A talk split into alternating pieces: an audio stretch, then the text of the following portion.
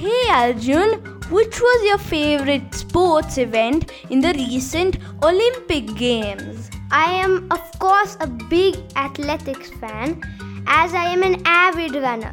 But I was also happy to see India win gold in the javelin competition. I am sure I would like to try javelin too. Athletics and track and field are, of course, very popular in the Olympics. But it is not the most popular sports in the Olympics. Can you guess which is the most popular? Oh, really? Hmm, let me think. Could it be swimming or soccer? After all, it is the most popular sport in the world. Both swimming and soccer are also very popular.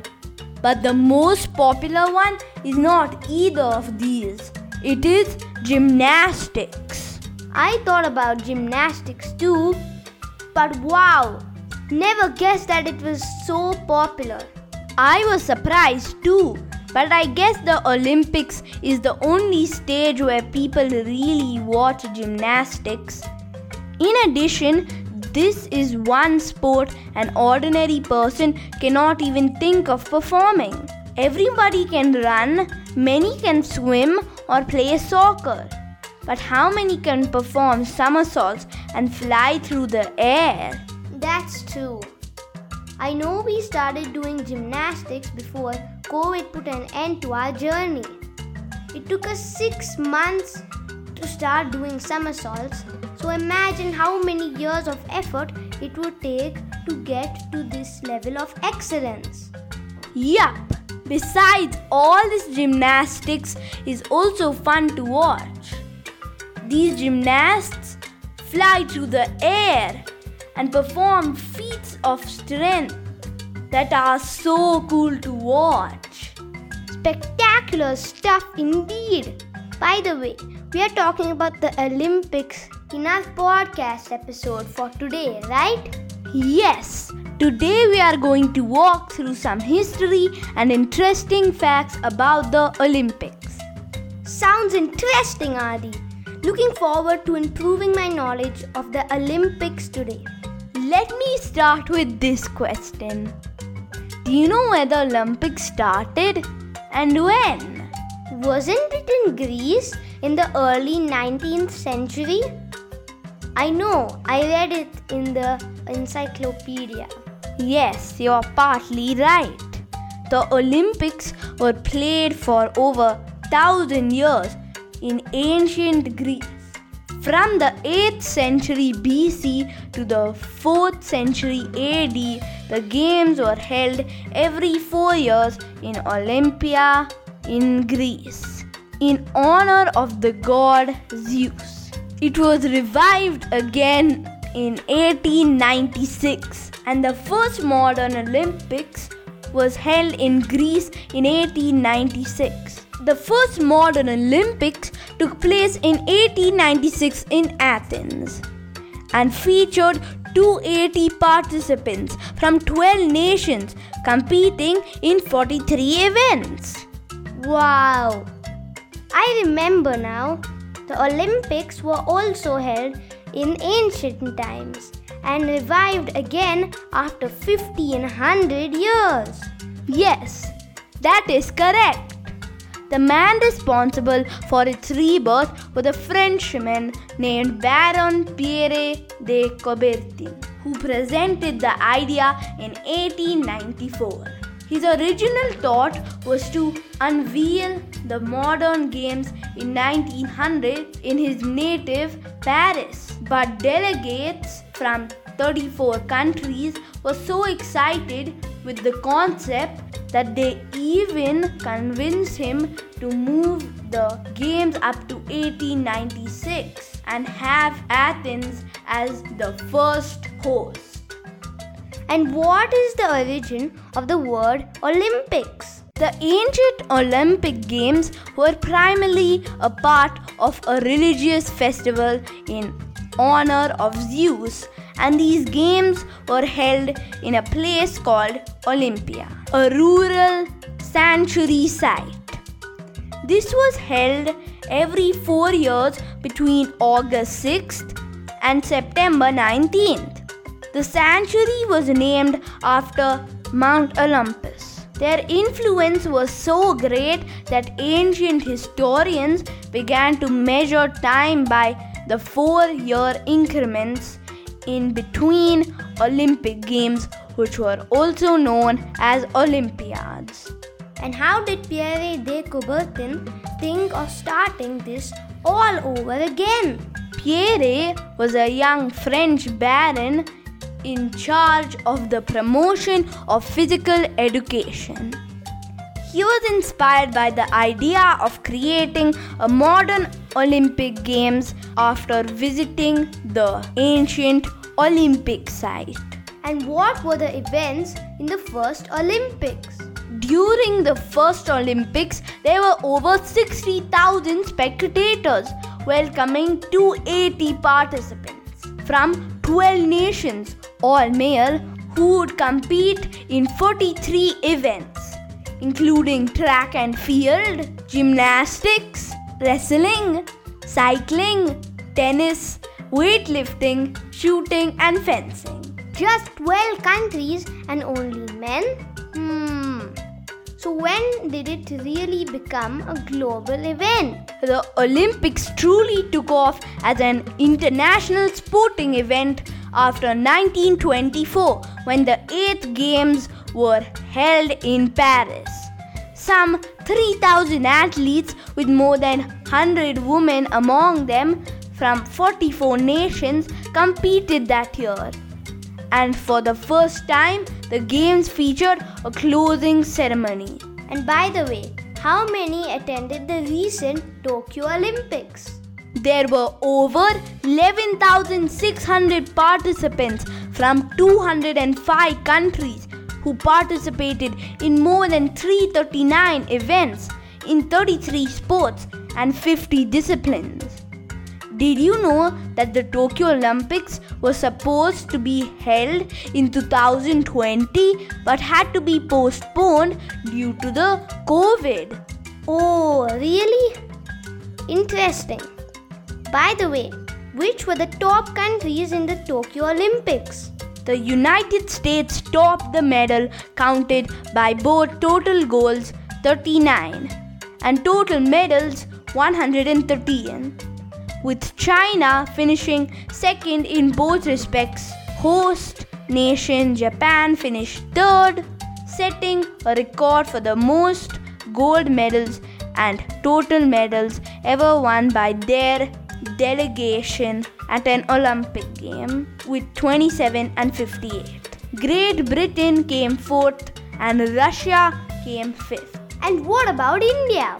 India did really well compared to previous years but could manage only the 48th position and 33rd in terms of overall medals. However, it does not matter as the future looks really bright. More people are getting interested in the Olympics and sports in general. I'm sure India will break into the top 20 in the next 10 years and top 10 in the next 20 years. I surely hope India will be a top sporting nation in the coming years. So, the next Olympics will be in 2024, not in 2025, right? Yes, the next Olympics will be held in 2024 in Paris, and the one after that in 2028 in Los Angeles, in USA. There is also the Winter Olympics, right? Which only focuses on sports centered around ice and snow, right? Yes, the first Winter Olympics were held in Chamonix in France in 1924. It alternates every two years with the Summer Olympics, which means that the next Winter Olympics will be held in 2022 in Beijing. And the one after that in 2026 will take place in Italy. Great! What other interesting facts do you have for our friends? Sure, Arjun. Do you know that only five countries have participated in all the Olympic Games till date? Wow! Only five countries? I know it's not the USA or Russia because they boycotted some of the games. Yeah, they are not in the list. Greece, Great Britain, France, Switzerland, and Australia are the only countries that have participated in all the Olympics. Wow! Tell me more such stuff. Do you know that the gold medals are mostly made from silver? No, I did not. What do you mean? What's the difference between gold and silver then? Today's Olympic gold medal is made almost entirely from silver with approximately 6 grams of gold only to coat the silver. The medals for the Summer Olympics in Tokyo were made from 80,000 tons of recycled electronics. The Tokyo Games gold medal weighs about 556 grams and so 550 grams of that is silver. That's so funny. The difference between gold and silver winners is just 6 grams of gold. Of course, I am kidding. The gold is coveted not just for the metal, it's the prestige. Another interesting fact did you know that silver medal winners are in general not as happy as bronze winners? No doubt that is true. I remember when I came second, I was mostly upset at not coming first. But when I got bronze medals, I was just happy to be among the medal winners. Funny how that works. Exactly. Do you know that the five rings represent the five participating continents of the time Africa, Asia, America, Europe, and Oceania, while the six colors are those that appear on all the national flags of the world at the present time. True. At least one of the colors, blue, green, yellow, black, and red, appear in every national flag.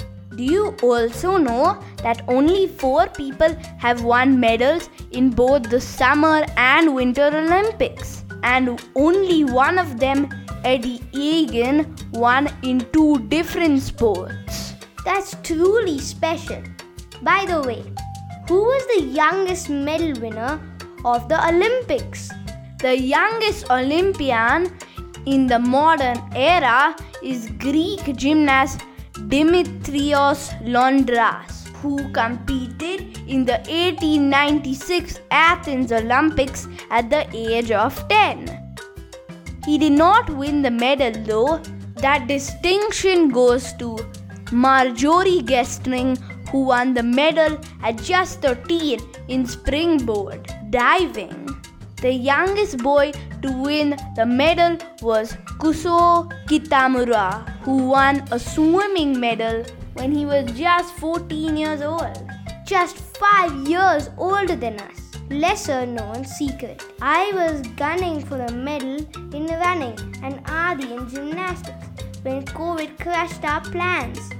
Now we need to do a lot of work to get back into shape again. Maybe we can work on that now that COVID is more under control.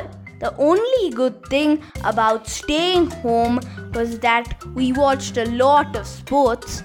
Recently, the entire country was following the Paralympics, where India was truly performed very well. Yes, that's so great to see. The Paralympics are more inspiring in a way. These people have battled their disabilities to come out as winners. The first Paralympic Games took place in Rome in 1960, designed to allow war veterans a chance to compete and rehabilitate. Now, the Paralympics offer a chance for people with an array of disabilities the chance to compete. In 2014, Ibrahim Hamadtou made history as he became a world champion in table tennis despite having no arms and playing with the racket in his mouth. Amazing! That truly embodies the spirit of the Olympics. Truly exemplifies everything that the Olympics stands for.